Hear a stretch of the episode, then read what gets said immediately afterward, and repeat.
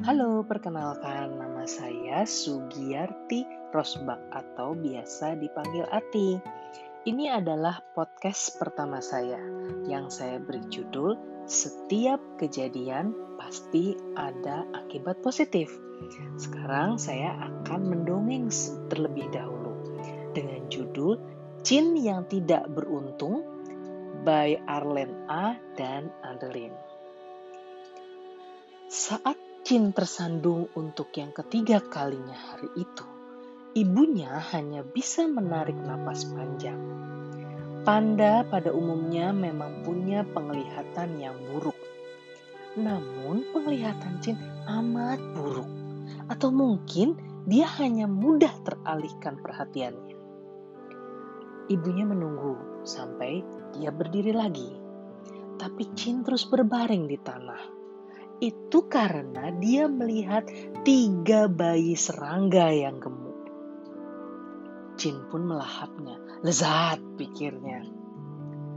Saat mereka berjalan di tepi sungai, Ibu Jin mengingatkannya untuk berhati-hati karena sebelumnya Jin sudah beberapa kali jatuh ke sungai. Lima menit kemudian, saat Chin mencoba meraih sebatang bambu di tepian sungai, sebuah batu di bawah kaki kanannya tergulir. Dan Chin pun terjatuh ke dalam sungai. Ibunya memutar bola matanya. Alih-alih memanjat tepian sungai, Chin malah berenang. Dia memberitahu ibunya bahwa dia akan berenang pulang. Chin menikmati sesi renangnya setiap beberapa menit, dia berhenti untuk makan bambu. Daun-daun bambu di sisi sungai itu hijau dan berair. Sama sekali tidak ada yang kuning dan kering. Di dekat hilir, saat Jin memanjat ke tepi sungai, dia tidak sengaja menginjak pecahan kaca dan kakinya terluka. Rupanya ada manusia tidak bertanggung jawab yang meninggalkan cermin pecah di sana kaki Chin berdarah. Rumahnya memang sudah tidak jauh dari sana, namun dia tidak sanggup melangkah lagi. Jadi, Chin hanya duduk dan mulai memakan batang-batang bambu. Matahari hampir terbenam. Dia tahu ibunya pasti khawatir. Seekor kelinci batu datang. Apakah kamu akan memakanku? Tanyanya. Tidak, aku sudah kenyang, kata Jin. Tapi aku sebenarnya butuh bantuan lanjutnya. Jika aku membantumu, kamu janji tidak akan makan aku dan keluargaku? Tanya si kelinci batu. Baiklah, kata Jin tanpa ragu. Karena baginya bambu jauh lebih lezat daripada kelinci batu.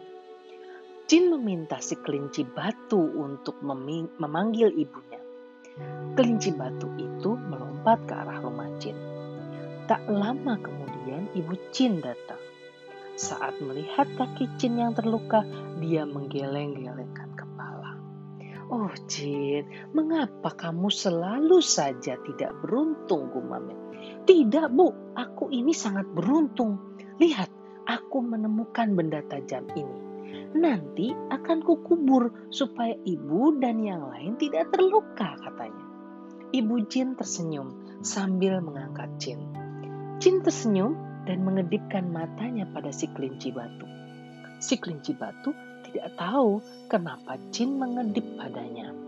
Mungkin Jin sedang meyakinkannya bahwa dia ingat akan janjinya. Atau mungkin Jin hanya sedang bergembira karena digendong ibunya. Si kelinci batu balas mengedip. Yang penting bukan apa yang terjadi padamu, namun apa yang kau lakukan atas yang terjadi padamu. Epictetus. Jadi, kita melihat kejadian, apa pun kejadiannya, seburuk apa pun kejadiannya, pasti kita harus lihat bagaimana kita menyikapi kejadiannya. Bersikaplah positif dalam setiap kejadian karena di dalam setiap kejadian pasti ada hal positif yang bisa diambil. Demikian cerita dari saya, Sugiyarti Rosbak. Kita ketemu lagi di podcast berikutnya.